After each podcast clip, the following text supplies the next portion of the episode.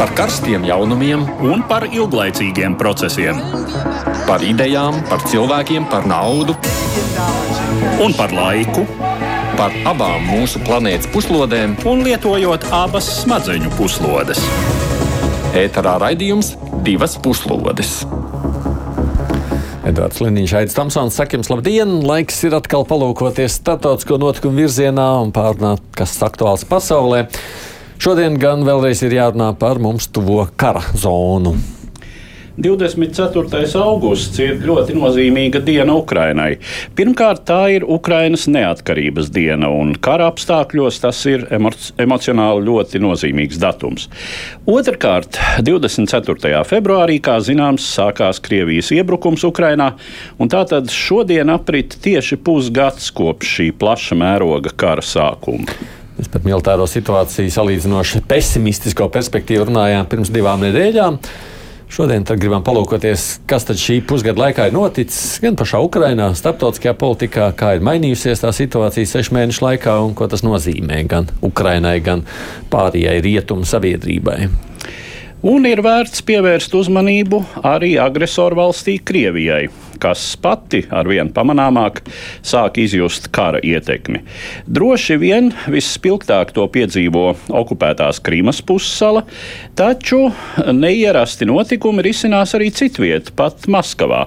Tur šonadēļ savā automašīnā uzspridzināta propagandiste Darija Dugina, un šajās dienās bijušas dažādas spekulācijas, kas un kāpēc ir iekārojis viņas dzīvību. Kopā ar mums studijā ir arī ārpolitikas institūta asociētais pētnieks, TVN žurnālists Artūrs Bikovs. Labdien! Sveiki!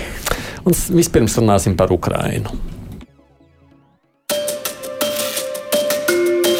Šodien ir Ukrainas neatkarības diena. 31. gada diena kopš toreizējā Ukrainas PSR augstākā padome pieņēma neatkarības deklarāciju, izstājoties no Padomju Savienības un radot pašreiz pastāvošo Ukrainas valsti. Ukrainas aiziešana no brūkošās padomu impērijas, domājams, bija izšķirošais moments, kas noteica šīs impērijas izbeigšanos, kuru Krievijas līderis Vladimirs Putins, kā zināms, raksturojis kā 20. gadsimta smagāko ģeopolitisko katastrofu. Šogad šis datums sakrīt ar citu chronoloģisku atskaites punktu pusgadu kopš Krievija uzsāka plaša mēroga kara darbību pret Ukrainu. Smagi cīnoties par savu suverēnā valstiskumu pastāvēšanu, Ukraina savus valsts svētkus atzīmē daudz pieticīgāk nekā citkārt. Šogad 24. augusts nav brīvdiena, nenotiek nekāda masu pasākuma. Tam iemesls ir nevien taupības režīms, bet arī bažas par to, ka Krievija šai dienā varētu vērst īpaši agresīvus raķešu triecienus pret Ukraiņas pilsētām, kā arī sarīkot diversijas. Frontē tuvajā Harkovā noteikta komandants stunda. Savienoto valstu vēstniecība Ukrainā izplatījusi aicinājumu savus valsts pilsoņiem pamest Ukrainu, norādot, ka Krievijas triecienu risks Ukraiņas civilajiem objektiem ir ļoti augsts. Krievijas režīma niknumu nepārprotam uzkurinājas pēdējā laika notikumi. Nu jau pāris nedēļas Ukraiņas armija vērš triecienus pret militārajiem objektiem Krievijas anektētajā Krimā, kuru Kremlis uzskata par savas valsts teritoriju un agrāk ir draudējis ar nesaudzīgiem pretriecieniem jeb kādam pret to vērstam uzbrukumam. Vēl viens šai sakarā pieminams notikums ir Ukrainas prezidenta Volodimira Zelenska tikšanās ar ANO ģenerālsekretāru Antonio Guterešu un Turcijas prezidentu Radžipu Tajipu Erdoganu, kas 18. augustā notika Ļuvivā. Kā kļuva zināms, Erdogans uz Ļuvivu atvedis Krievijas līdera Putina piedāvājumu sākt tieši sarunas ar prezidentu. Zelenski. Taču saņēmis atbildi, ka šādas sarunas būšot iespējams tikai pēc Krievijas spēku atkāpšanās no visas pēc 24. februāra okupētās Ukrainas teritorijas. Tikmēr satraucošas ziņas pienāk no Krievijas okupētās Mariupols, kur tiekot veikti priekšdarbi paraugprāvai pret Ukrāņu karagūstekņiem. Atklātībā parādījušās fotogrāfijas ar tiem paredzētu krātiņu, kurš tiek būvēts Mariupols filharmonijas zālē, kur varētu notikt tiesāšana. Potenciālie tiesājumi ir Ukrainas Nacionālās gvardas bataljona Azov karavīri, kuri ilgstoši pretojās okupantu spēkiem aplenktajā Mariupolē. Krievija bataljonu Azov traktē kā teroristisku organizāciju, taču tā ir regulāra Ukrainas bruņoto spēku vienība, uz kuras dalībniekiem attiecas kara gūstekņu status. Viņa tiesāšana kādā paraugprāvā būtu uzskatām par kara noziegumu, kā to paziņoja ANO augstā cilvēktiesību komisāra birojas. Nu, pusgads tātad šajā trakajā karā. Ko jūs īpaši uzsvērtu? Nu, ko tas ir atnesis pasaulē, ko mainījis, ietekmējis? Kas jums šķiet tas būtiskākais, ko gribētu pieminēt? Artur? Man katrā ziņā vēlos teikt, ka divas lietas, par kurām, manuprāt, nerunā tik daudz, bet man liekas, tas ir diezgan nozīmīgas. Pirmā lieta, tas ir, protams, kara rutinizācija kas ir vissliktākais, kas, manuprāt, varētu notikt. Un par tādām lietām mums jārunā. Man liekas, ka mēs jau savā ziņā pierādām pie tā, ka notiek karš blakus mums. Tas ir kaut kas tāds, kas, manuprāt, nav pieņemams. Tas ir kaut kas tāds, par ko mums katru dienu jādomā. Tas ir pirmais. Un otrais ir sava ziņā radikalizācija. Ko es ar to domāju? Teiksim, ja mēs salīdzināsim ar to, ko Es jau teicu, Zelenskis, teiksim, divi, nu, teiksim 26. februārī nosacīt, jā, ka viņš uzrunāja Krievijas iedzīvotājus, teiksim, Krievu valodā. Viņš mēģināja kaut kā, nu, sasniegt viņus, mēģināja viņus uzrunāt, mēģināja viņus pierunāt, rīkoties pret esošu valdību, um, domājot, ka tas palīdzēs. Un tur bija zināma loģika, un tas bija ļoti atbalstams un, manuprāt, ļoti drosmīgs solis pats par sevi. Tā iedomājoties, jā, ka tavai valstī uzbruk un tu savukārt izmanto.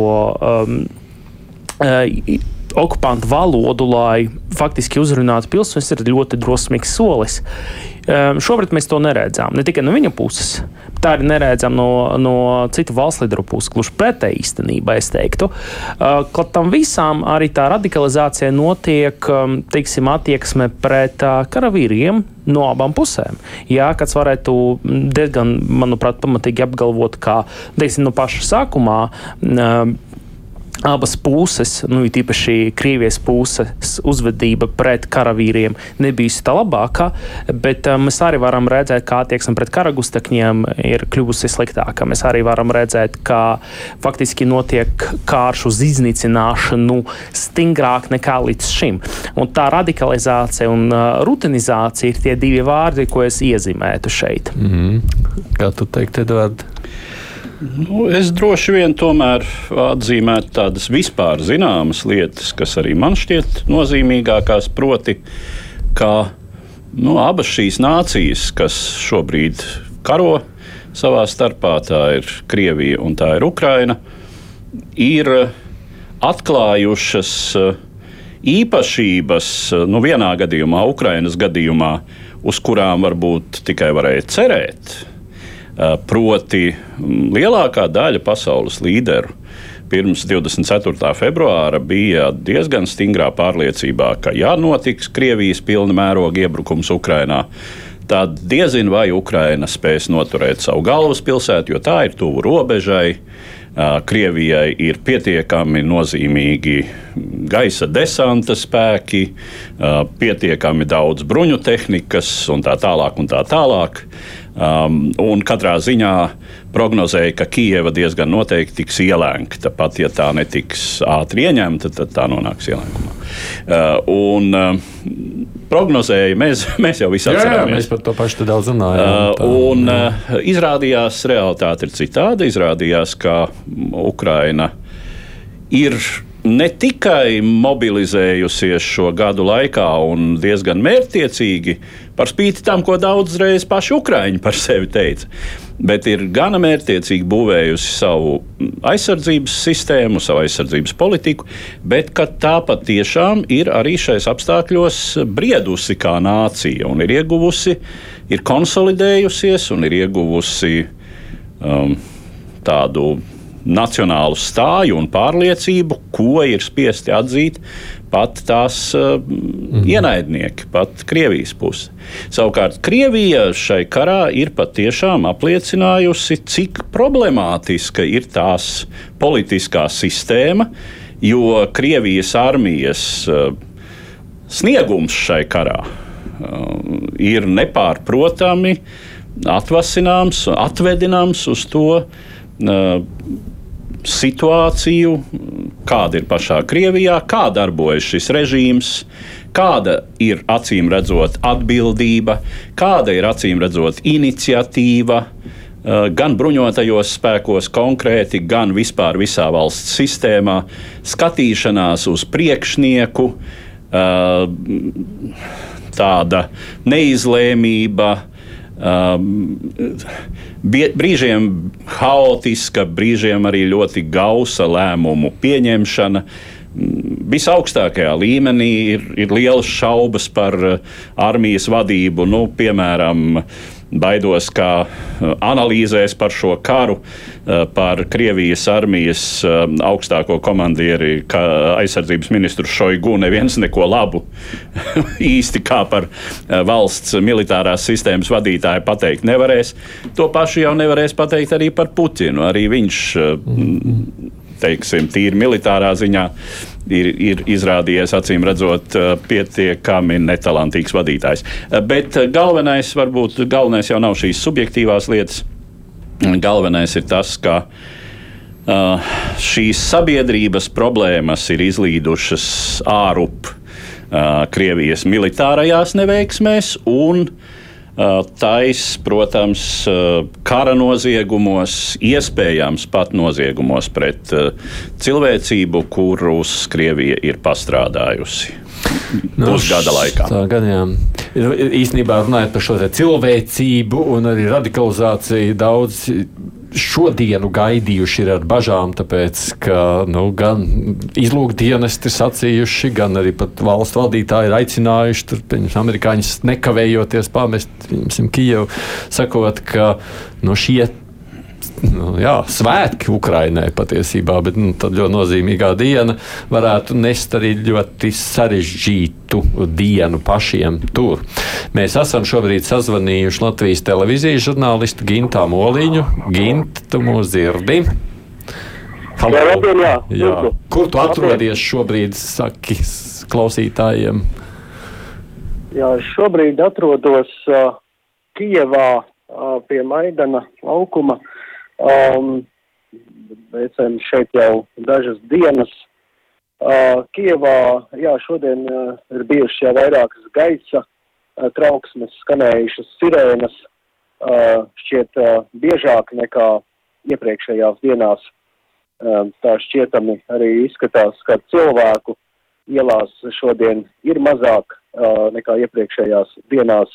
Uh, valdība un varas iestādes aicināja cilvēkus šodien uh, um, liek nepulcēties, un um, līdz ar to izskatās, ka daudz arī ņēmuši vērā uh, šo aicinājumu.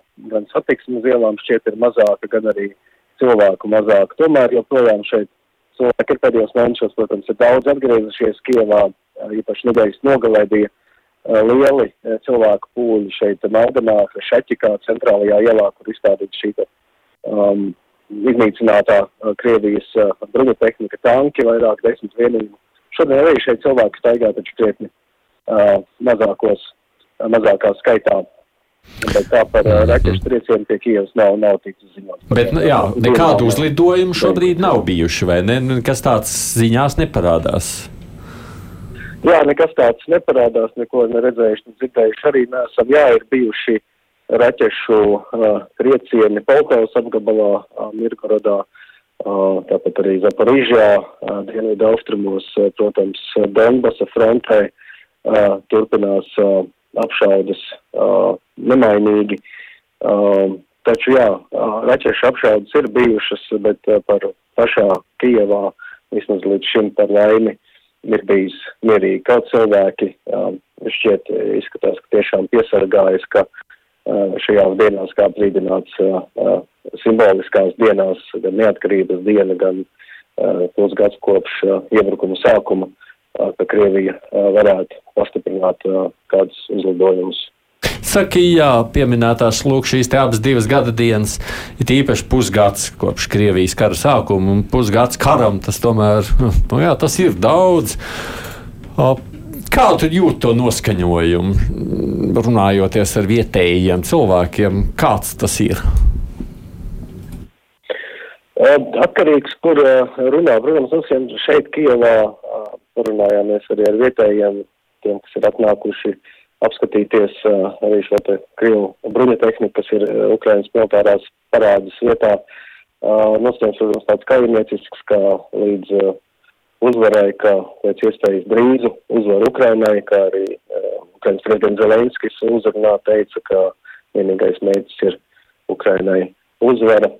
Um, tuvāk frontei mēs arī aizdītajās pāris nedēļās bijām uh, dienvidos Ukrainas, uh, frontēs pie Nikolājevas un Zaparīžas un arī pie Nikopolas, kas iepratina Zaparīžas atomelektrostacijai atrodas. Uh, tur cilvēki, uh, protams, viņi arī ir tādi apņēmības pilni, uh, mēs mums ir apņēmības pilns, taču tur ir jaušams lielāks nogurums varbūt cilvēkos no tā, ka pusgads kara tomēr ir pagājis un ka apšaudas turpinās un, un, protams, ir šis te arī psiholoģiskais nogurums īpaši pilsētās, kurās katru dienu, kuras tiek katru dienu apšaudītas. Uh, tomēr vienlaikus uh, ir šie mēģinājumi kaut kā, uh, nu, cilvēki, protams, ir apraduši ar šo te kā šī tā jaunā realitāte un kaut kādā ziņā, kaut kādā mērā, uh, tomēr atgriezties kaut kā mēģināt, tas pirmais šoks ir noplacis, teiksim, un kaut kā mēģināt dzīvot to ikdienas dzīvi, taču pavisam jau tādā uh, citādā uh, ietvarā, šajā te kara ietvarā.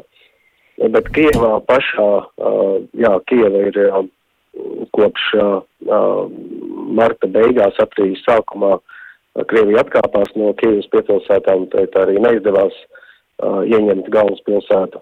Jau tad aprīlī un īpaši maijā cilvēki sāk atgriezties un un dzīve, tā teikt, šeit rita pilnu krūti. Mm -hmm. Taču, um, taču, taču, jā, taču šodien uh, ir redzams, ka cilvēki piesargājas, ka tāds mazliet uh, pieklusums arī. Mm -hmm. Kaut arī atzīmē, atļautīt Ukrainas uh, neatkarības dienu. Jā. Paldies, Gint. Gint Samoliņš, Latvijas televīzijas korespondents šobrīd Ukrainā. Te jau pieminēja nu, to tālāko, tās miera sarunas, kuras arī Erdogans mēģina atvest šobrīd. Atceramies, kara sākumā, nu, tavs pieminētais radikalizācija. Tur jau Zelenskis pat likās, nu, kur tā vēl tajā brīdī, bet viņš teica, jā, viņš tomēr aicina Putinu uz sarunām. Nu, izskatās, ka vairs neaicina. Ne? Jā, kas man šķiet arī diezgan loģiski, jo man nav īsti skaidrs, par ko te var runāt, ņemot vērā to, ka Krievija šobrīd ir okupējusi ievērojama daļa no Ukrainas teritorijas. Nu, par ko tad var sarunāties? Es nevaru iedomāties, kāda tā tēma varētu būt. Ja vien, protams, mēs nerunāsim par kaut kādām praktiskām lietām, mm. kas ir, teiksim, kara gustakņu apmaiņa. Jā. Uh, Tāpēc um, man šķiet, ka tas ir absolūti loģisks solījums, uh, solījums solis, jā, uh, loģisks solis, ka uh, Kīva un Zelenskis personīgi nevēlas runāt ar Putinu, kamēr tās teritorijas netiks atbrīvotas. Punkts. Mm. Tā pašā laikā, kāpēc Putinam pēkšņi sāk gribēties runāt, vai tā ir tikai pauze?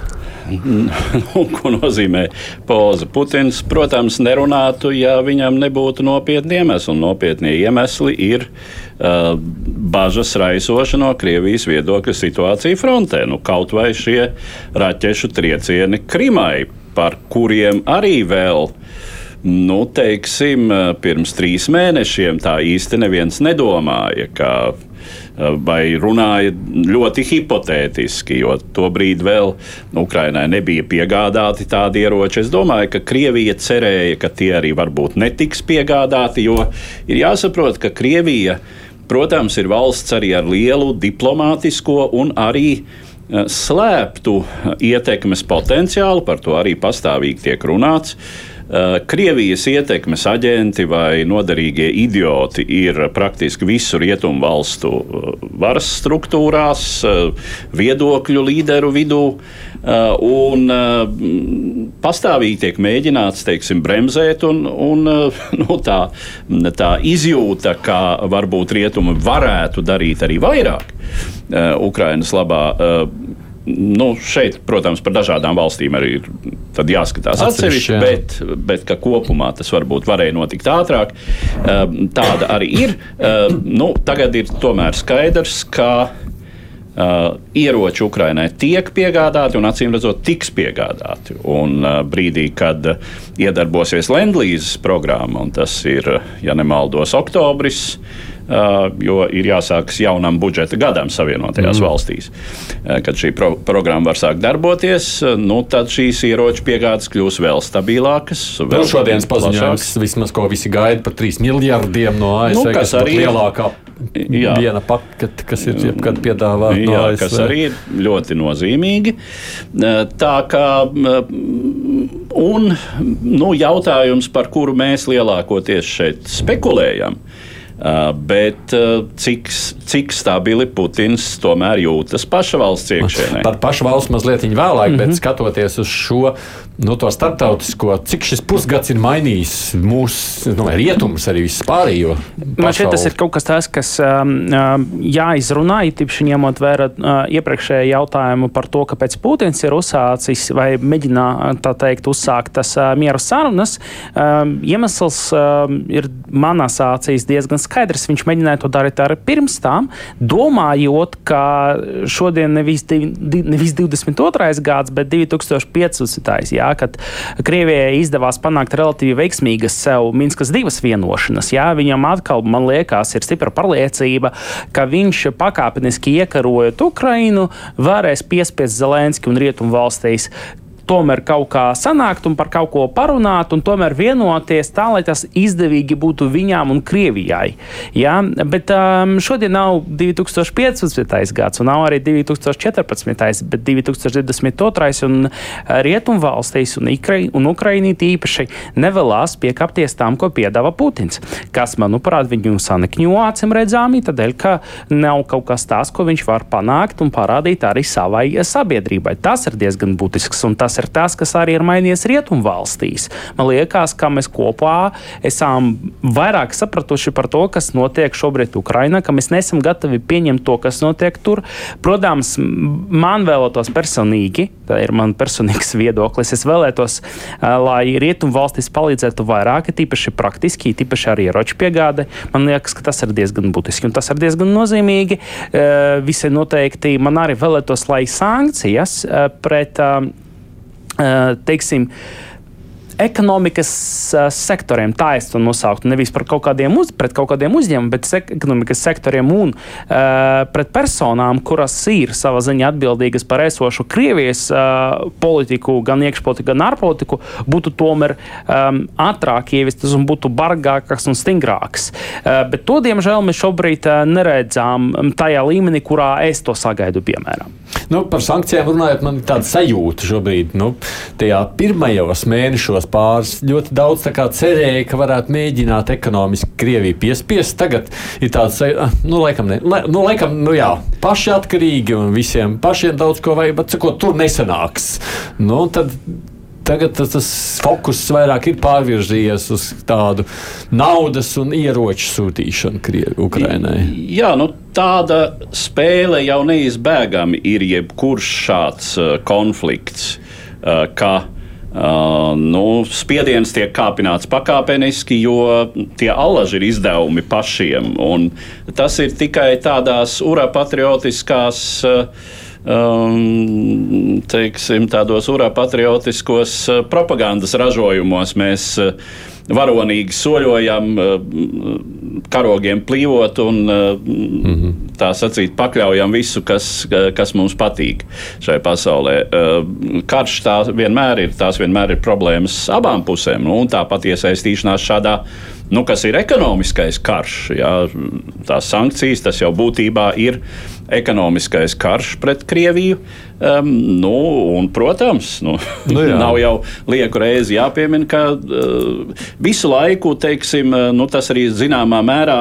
Es gan šo lozungu pēdējos mēnešus, varbūt pat uh, dzirdu salīdzinoši mazāk, lai mēs paši neciestu vairāk uh, kā Krievija. Te jau gandrīz vai tā izjūta ir tāda, uh, mm, vismaz tādā retorikas līmenī, ka nu, mēs esam arī mēs, Eiropieši, esam gatavi ciest. Nu, jau mēs ciešam, ko tad nu vajag. Runājot, savu, nu, paga, paga vēl nav. Vēl, vēl nav vēl, novembris. Vēl priekšā vēl novembris, taisnība nav. Bet tādā politiskā skatījumā, nu, protams, karš vispār ļoti daudz ko ir savandījis šī pusgada laikā. Man liekas, ka mēs vēl to neesam līdz galam īsti aptvēruši.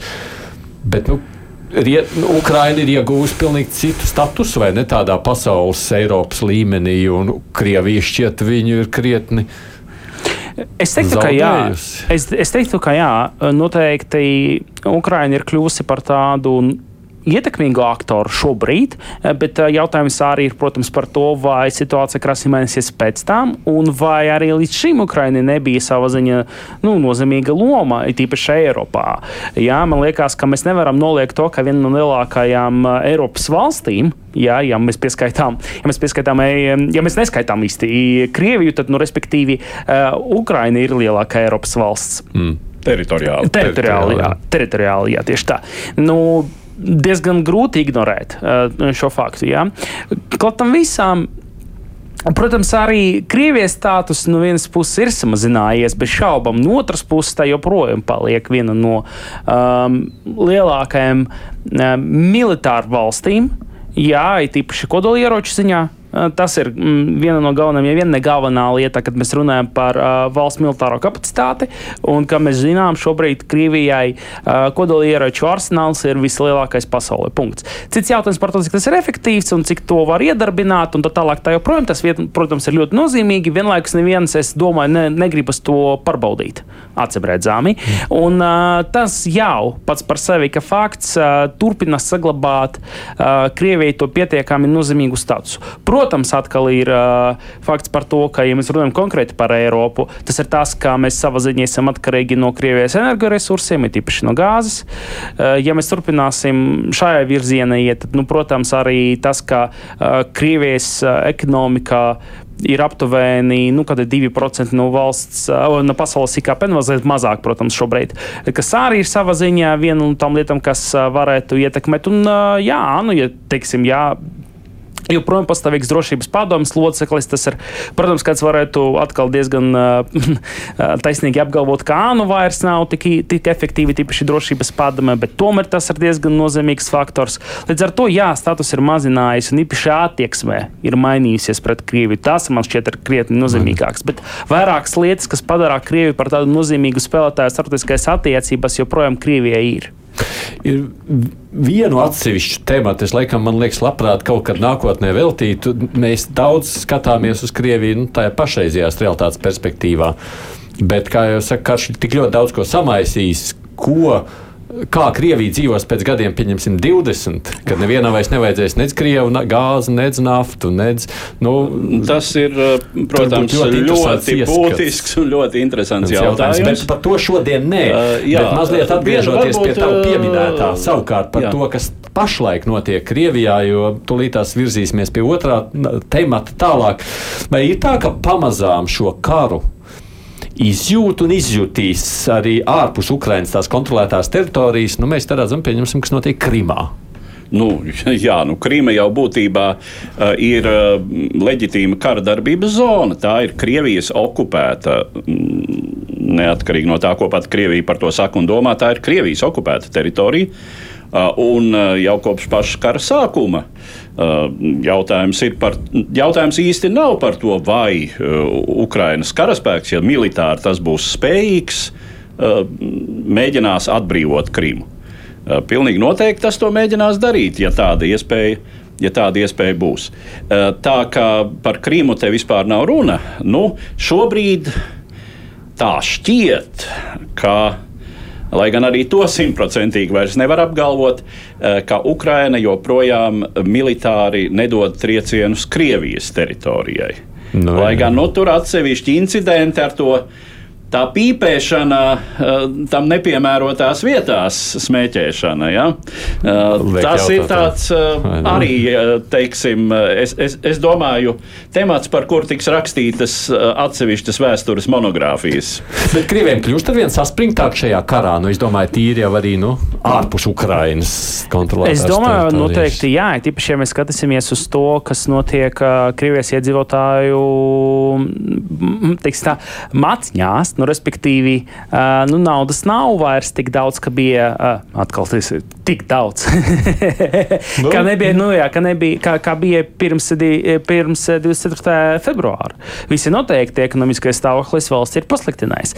Cits jautājums ir, protams, par to, uh, vai tās arī obligāti nozīmē, uh, ka Krievijas iedzīvotāji un Krievijas pilsoņi tagad iesa. Uh, Uh, revolucionārajā ci ciņā pret esošo valdību? Nu, visdrīzāk nē.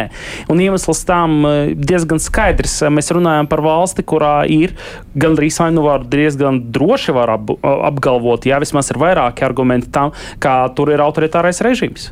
Un, uh, un es domāju, ka diezgan grūti jebkurā valstī, kur ir autoritārais režīms, prasīt no iedzīvotājiem, lai viņi ietu tajā ceļā un kaut ko mēģinātu sasniegt. Man liekas, liekas, ka tas ir diezgan nu, naivi es teiktu, tā domāt, ka, teiksim, nosacīts eh, cilvēks mana vecumā, 27 gados, jābūt viņš ies viens tur Maskavā, mēģinot iekarot, nu, visdrīzāk viņu viņu vienkārši ieslodzīs.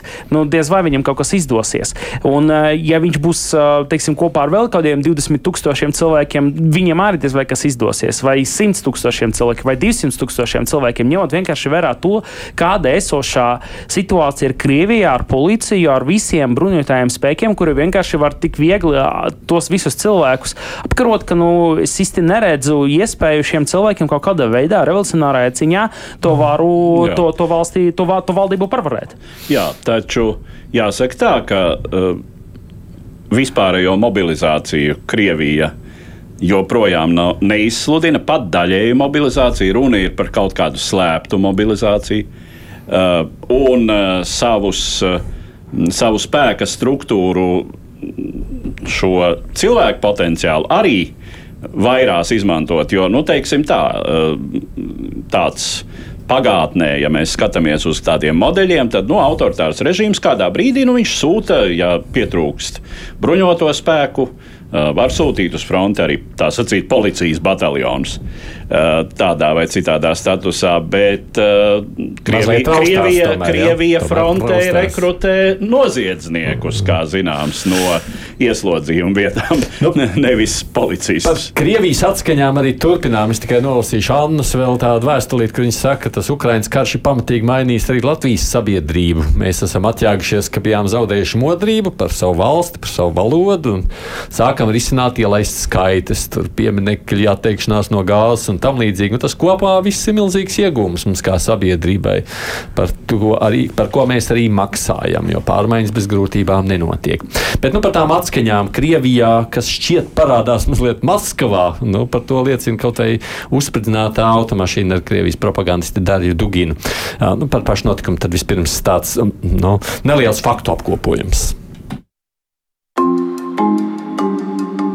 Pagājušajā svētdienā lielam lielajam vairumam pasaules ziņu auditorijas pirmo reizi tapa zināms Dārijas Dūginas vārds.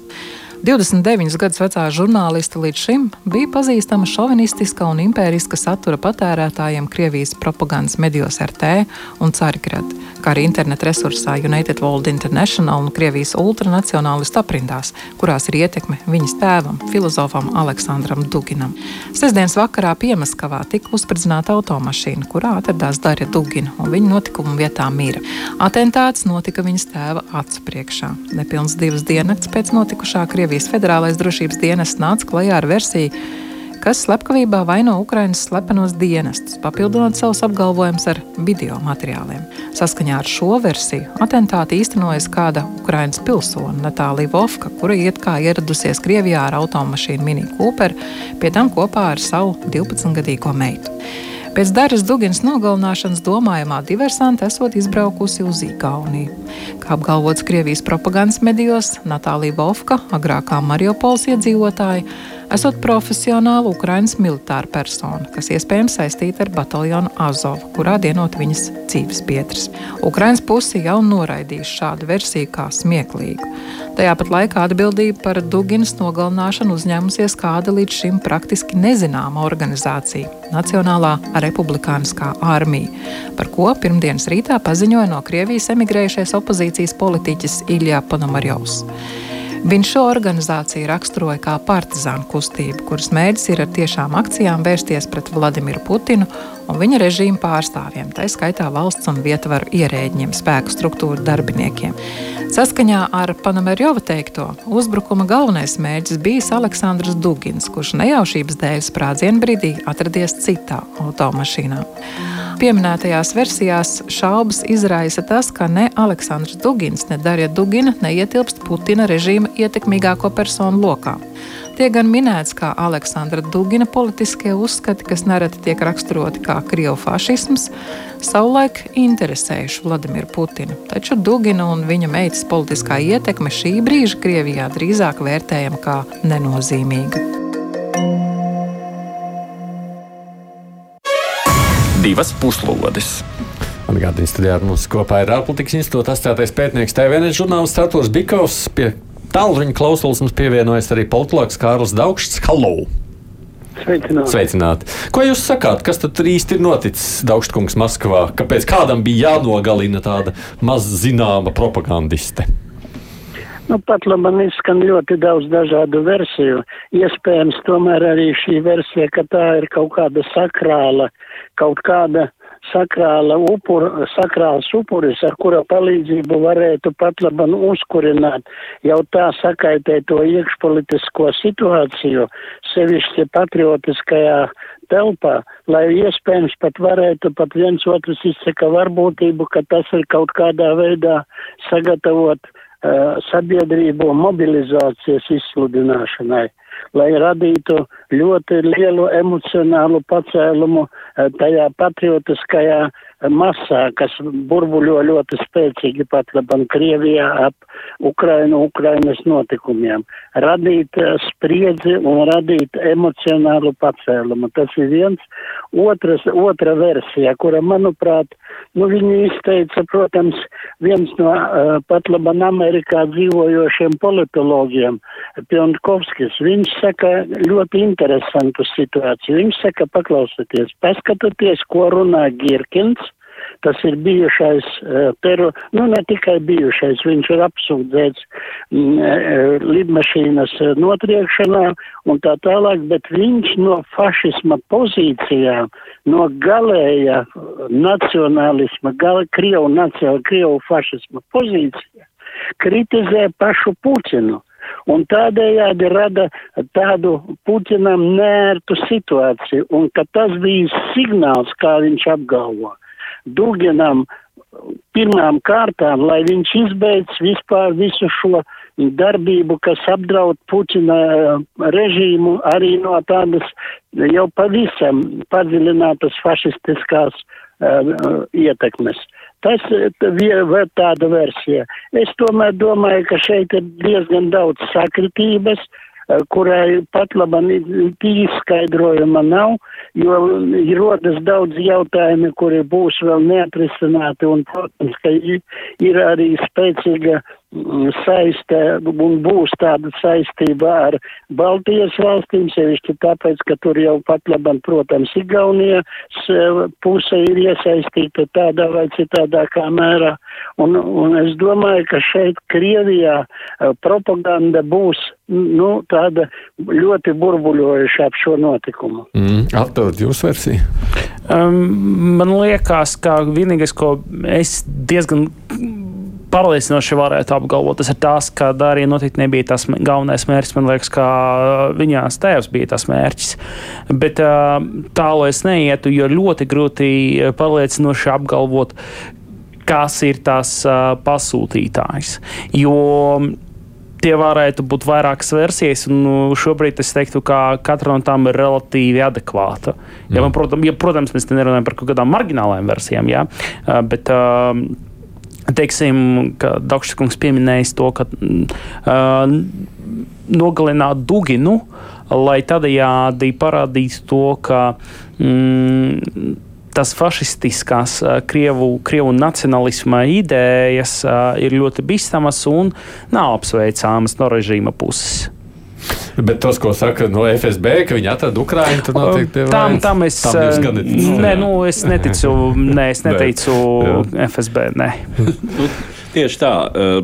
Nav motīvu īsti Ukrainai nogalināt šādus cilvēkus. Ja jau, jo jāsaprot, ka šādas operācijas organizēšana ir pietiekami riskanta. Pietiekami dārgs prieks. Nu, galu galā iedomāties, ka Ukraiņas pilsoņi tā pārvietojas pa Krieviju ļoti brīvi un, un ka tur ir Ukraiņai pietiekami resursi, lai to organizētu. Nu, ja jau Ukraiņai šādas iespējas būtu Krievijā, tad noteikti tas būtu kāds cits. Nedugina. Ne, nedugina, jā. Jo Duginas nu, teiksim, potenciāls ir nepārprotami kā upura potenciāls. Tagad no viņas uztaisīt patiešām sakrālu upuru, patiešām nevainīgu šī, šai nevainīgi nokauto. Uh, jā, lai kas būtu arī tas vainīgais, tā, tā tas ir. Bet uh, viņa, ne viņa, ne arī īsti viņas tēvs Ukrainai īpaši netraucēja. Ne, ne. Tas ir pilnīgi noteikti. Tev bija Edvards saruna. Jā, jā man kolēģi. bija saruna ar Novaja Gazeta korespondenti Irinu Tumakovu, kura joprojām strādā Krievijā. Pie kam Irinas specialitāte ir taiskaitā arī krimināla ziņas. Un tāpēc, manuprāt, viņas komentārs ir visnotaļ kvalificēts šai ziņā. Я, например, о существовании Дарьи Дугиной узнала после ее гибели. Es, piemēram, par Darijas Duginas esamību uzzināju tikai pēc viņas nāves. Bet man jau daudzus gadus nav televizora, un varbūt viņa tur parādījās. Šeit jūs varat fantazēt, cik vien vēlties, bet tas, ka Darija Dugina nebija kaut cik nozīmīga figūra politikā, ir pilnīgi skaidrs. Viņa faktiski atkārtoja to, ko tēvs viņai kopš bērnības bija mācījis. Ziniet, vispār spriedelēšana par to, kāpēc vajadzēja nogalināt, tā jau ir spriedelēšana pēc Kremļa loģikas parauga. Kā tad, kad Kremlis saka, ka tam nebija izdevīgi, teiksim, nogalināt Poļitkovsku, nebija izdevīgi nogalināt Ņemcovu, saindēt Navaļniju, es īsti nevēlos runāt par to, kam tas ir izdevīgi. Vēl jo vairāk tādu cilvēku vispār var būt cik uziet. Piemēram, meitenei varēja būt kaut kāds pašai savs bizness, bet atkal, pagaidām tas viss ir tikai fantazēšanas jomas пока из области фантазии. К любой версии, которую сейчас выскажет кто угодно, все будут прислушиваться. Поэтому Jebkurā versijā, ko kāds tagad izteiks, visi ieklausīsies. Tāpēc es nepievērstu uzmanību visām šobrīd izteiktajām neprātīgajām versijām. Kas attiecas uz šo Nacionālās atbrīvošanas armiju, vai kā nu tu to sauc, es par tādu nekad neesmu dzirdējusi, un cik saprotu, vispār neviens izņemot deputātu Panamarjovu par tādu Krievijā nav dzirdējis. Kur viņš ko tādu ņēmis? Cik tur ir patiesības? Kam viņiem būtu vajadzīga Dārija Dugina? Un kam viņiem vispār būtu vajadzīgs arī pats Dugins, cilvēks, kurš vispār jau ir bīstams tikai vārdos. Tas viss arī ir no tā neprāta kategorijas, kas vienmēr sākas pirmajās dienās pēc skaļiem noziegumiem. Громких преступлений. Знаете, в советское время был такой немножко черный анекдот. Ziniet, padomju laikos bija tāda nedaudz melna anekdote, ka par amerikāņu kosmosa kuģa Challenger bojāju padomju savienība izteica līdzjūtību divas minūtes pirms starta. Un te man arī ir tāda izjūta, ka šo noziegumu viņi bija atklājuši jau pirms sprādziena. Līdz šim man nav nācies pieredzēt, ka mūsu spēcdienesti tik zibenīgi būtu atklājuši detaļas. Un tad vēl šī izsekošana, braukājot ar mini Cooper un vēl tādā uzkraitošā krāsā, tā nu ir īpaša detaļa. Un tad vēl šis 12-gadīgais bērns, kas tur ir iesaistīts. Nu, šie video no vienas un otras vietas, kuri uzreiz parādījās, Man vienkārši ir pamatīgs priekšstats par izmeklēšanas darbu noziegumu vietā un par operatīvo darbinieku darbu pēc tam. Tas ir visai rūpīgs, smags darbs, milzums ekspertīžu, milzums dažādu izmeklēšanas darbību. Tas nenotiek vienas dienas laikā, Un kad mēs zinām, kā mūsu valstī vispār veicas ar politisko slepkavību atklāšanu, atceramies jau atkal Poļitkovsku, Ņemcovu, Estemirovu, tad šāds ātrums ir vienkārši neiedomājams. Tāpēc tam, ko viņi tagad saka, es neticu, nu, pilnīgi nemaz. Es nesaku, ka tā nav taisnība. Tas vienkārši pilnīgi neko nenozīmē, izņemot to, ka viņi tieši to grib pateikt. Кроме того, что им захотелось это сказать. По-моему, единственное, на что стоит обращать внимание, это вот это. Manuprāt, vienīgais, kam ir vērts pievērst uzmanību, ir šis atklāšanas ātrums, aizdomās turmā uzrādīšanas ātrums un šī dzelzbetona pārliecība, ka pēdas ved uz Ukrainu, par ko neviens no prokremliskajiem komentētājiem pat nešaubās. Bet noziegums tā ir tāda lieta, kuras atklāšanā ir jābūt daudz šaubu. Tā jau nav velosipēda zādzība, kad Zaglānu noķer notikumu vietā, kas attiecas uz šīm Ukrainas pēdām, tad pat ja tāda nozieguma nebūtu Kremlim, tas būtu jāizdomā. Ja turpinām spriest saskaņā ar loģiku, kam tas būtu izdevīgi, tad laikam jau tas ir izdevīgi tai pusē, kurai trūkst panākumu frontē. Šādā nozīmē viņu versijām iespējams tiešām būtu vērts pievērst uzmanību. Versija, ka tas varētu būt kaut kas līdzīgs Kirovas slepkavības, slepkavībai 1934. gadā. Tajā es tiešām ieklausītos. Krievijā skrūves jau tā ir pievilktas tik tālu, ka grūti izdomāt iemeslu, lai tās pievilktu vēl stingrāk, iemeslu vēl bargākām represijām. Un lūk, šāds iemesls parādās. Lūk, ja šīs meitenes slepkavība tiktu izmantota līdzīgi Kirovas slepkavībai, Protams, tās ir dažādi mēroga figūras, tie ir dažādi mēroga notikumi, bet sekas um, mums šeit, Krievijā, diemžēl var būt smagas. Proti, es gribu teikt, ka mums šeit var klāties vēl smagāk.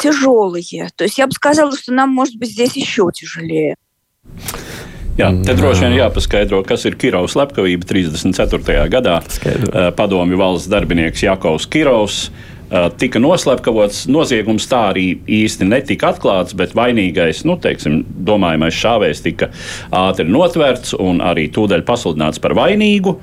Un tas bija zināmā mērā starta signāls tam, ko mēs vēsturiski pazīstam par ar Staļina lielā terora apzīmējumu. Tātad vissmagākās represijas Padomju Savienībā, kas vērsās tieši liel, ļoti lielā mērā pret uh, padomju valsts aparātā, pret, padomju, pret komunistiskās partijas nomenklatūru. Tā skaitā to ietvaros gāja bojā ļoti daudz latviešu komunisti tā laika Padomju Savienībā. Um, nu, tā tad 37. un 38. gads uh, tāda staļinismā, asins kāres apogēja. Mm. Uh, Daugstkungs, jūsuprāt, kā tad tie notikumi tālāk Krievijā varētu vispār izcināties, ja mēs tagad skatāmies no šīs skatu punkta?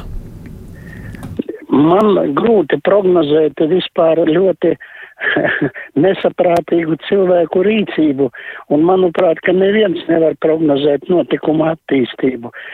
Emocionālu kāpinājumu, manuprāt, propaganda jau ir sasniegusi Krievijā, taču tādu sakrālu upuru, kāds pat labam tiek pas, kā tas tiek pasniegts, manuprāt, var izmantot vienīgi ne tikai pret Ukrainu, bet pastiprināt arī spiedienu, uh, emocionālu spiedienu masā pret Eiropu kā tādu, kura lūk kaut kādā veidā atbalsta terorismu.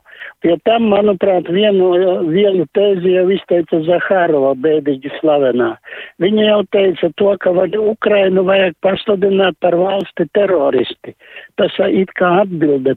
Manuprāt, ka tur ir tomēr kaut kāds organizatoriskas princips, lai varētu šo notikumu iztēlot par kaut kādu nopietnu uh, nopietnu anti-ukrainisku un anti-rietumnieciskumu pasākumu, sevišķi to pasniedzot saviem iedzīvotājiem. Nu, mēs zinām, ka pat blakus Igaunija ir iesaistīta jau sakot, tā viņi ir vai ne pie, jā, jā, pie jā, jums aizbēga izdodiet jā, tos, ko Igaunija, protams, pasaka, ka nekādas izdošanas nebūs. Ir kaut kādas, kādas sekas tam varētu sekot netīkams. No tas, ko redz, mēs sadzirdam bažas arī pašā Krievijā dzīvojošo kolēģi vidū. Nē, nu, protams, ka situācija noteikti neuzlabosies, bet neatkarīgi no tā, vai Dūgins tiks nogalināts vai netiks nogalināts. Ja, ja mēs tā kā domājam. Pagātnes uh, ziņā, jā, tas nekādā, situ, nekādā ziņā situācija nemainīs. Jo, manuprāt, kad mēs runājam par autoritāro režīmu, tur tikai ceļš relatīvi, nu, relatīvi viena virziena. Jā, tas jautājums par to, cik ātrs tas ceļš būs. Nu, jā, jautājums, cik tālu tās krūšas varētu piegriezt pateicoties nu, lūk, šādam uh, teroraktam. Jā, nu, droši vien cik vajag. Man uh, arī jāpiekrīt tam, ka uh, tomēr uh, Kremlim uh, nu, ir vairāki motīvi, kāpēc tas varētu būt darīts. Un tas patiešām ir uh, attiecību kārtošana ar šo uh, ultralabējo uh, Krievijas uh, politiskā spektra daļu, kur, kura kļūst Putinam mazliet nevadāma un problemātiska, uh, kas arvien atklātāk met Putinam acīs. Uh, un viņa režīmam acīs apvainojumus militārā neprasmē. Un nu, arī vienīgi vai šī pārējā propaganda tādā gadījumā palīdzēs viņiem to saprast drīzāk jau tad. Nē, nu tas ir tā tad. Uh, pasniedzot to, kā mm, ārējos, va, ārējo vai iekšējo ienaidnieku, varbūt pat um, kādā brīdī uzbrukumu, uh, tomēr piedabūt šos uh, ultralabējos atkal uh, stāties režīma atbalstītāju, stingru režīma atbalstītāju rindās. No, nu, no otras puses, varbūt tā arī iebiedēšana, teiksim, lai šie ļaudis neatļaujas par daudz. Nu, un, jā, tā ir iespēja. Tā ir iespēja attaisnot kaut kādus momentus savā darbībā, pret Ukrajinu vērstā darbībā, nevelti. Es domāju, šis motīvs par Krievijas izsludinātās vainīgās, vai nu, pagaidām vēl aizdomās turamās saistību atkal jau ar bataljonu Azovu. Ja? Nu, kas ir eh, Krievijā šobrīd eh, um, ļaunuma sakne. Ja? Uh, kas, kas uh, ir jau, jau pirms tam pasludināta par noziedzīgu organizāciju, un pēc Mariupoles, pēc tā, kāda tiešām šai vienībai bija loma uh, Mariupoles varonīgajā aizstāvēšanā. Nu, tad jā, viņi visi ir personīgi, var teikt, diktatora Fīrera ienaidnieki. Nē. Man ir tikai divas minūtes. Daugškungs, pabeidzot sarunu ar jums, kā jums šķiet, cik tas cementē šobrīd, cik pašu Krievijas sabiedrības tādu kopējo noskaņojumu, un cik tomēr tur ir kaut kādas plaisas, par ko mēs reizēm gribam runāt Krievijas politikā. Es nebūšu ļoti, tā sakot, vietas šī ziņā, bet man liekas, ka tomēr tās ir plaisas. Nav svarīgi labie, kreisie, ultrafašisti, fašisti un teroristi un tā tālāk. E, gatavošanās, piemēram, kā jau šeit tika minēts, iespējamam Mariupoles tiesas procesam, bandītu grupējumi, kuri ir Doņetskā un kuri izmanto absolūti 90. gadu metodes savu reikinu kārtošanā un tā tālāk. Tomēr šī uh, atsevišķi tādi notikumi pašā Maskavas centrā, uh, tur, kur atrodas pats faktiski šis viss galvenais uh, domas un galvenais intelektuālais un politiski militārais centrs, tas parāda, ka plaisas šeit sāk tā kā ledu pava, rudens jaunajā ledū, viņas tomēr parādās, ja pa viņu spēcīgāk uzsit. Un triecieni sāk arī šķelt vispār Krievijas sabiedrību. Nav svarīgi pat labējie, kreisi jau tā tālāk, es atkārtošos šeit. Manuprāt, tomēr plaisas viņas var padziļināties, ja izturēs Ukraiņu un ja viņa radīs uh, pamatīgas zaudējumus Krievijas, uh, nu es pat teiktu, godam un arī visai tai iedomībai, kura nāk no Krievu uh, lielas daļas uh, iedzīvotāju. Mm. Kārlis Daugšs, politologs, paldies par sarunu. Nu, tāda mums aina. Vairāk nepārspēsim ar neko pārunāt.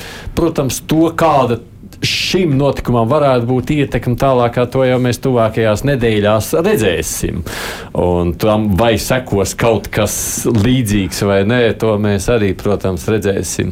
Sekojot līdz notikumiem, arī tiekoties šeit raidījumā divas puslodes. Paldies TVN žurnālistam un ārpolitikas institūta asociētajam pētniekam Arturam Bikovam, ka atnācāt pie mums šeit uz studiju. Nu, kā vienmēr mēs bijām šeit Edvards Liniņš un Aits Tomsons. Producēja raidījumu Evi Junām. Tiksimies tātad tad atkal pēc nedēļas mēs lūkosim, nu, kas ir nākamo dienu laikā noticis abās divas zemes puslodēs, nu, ne tikai Ukraina, arī citi notikumi. Divas puslodes!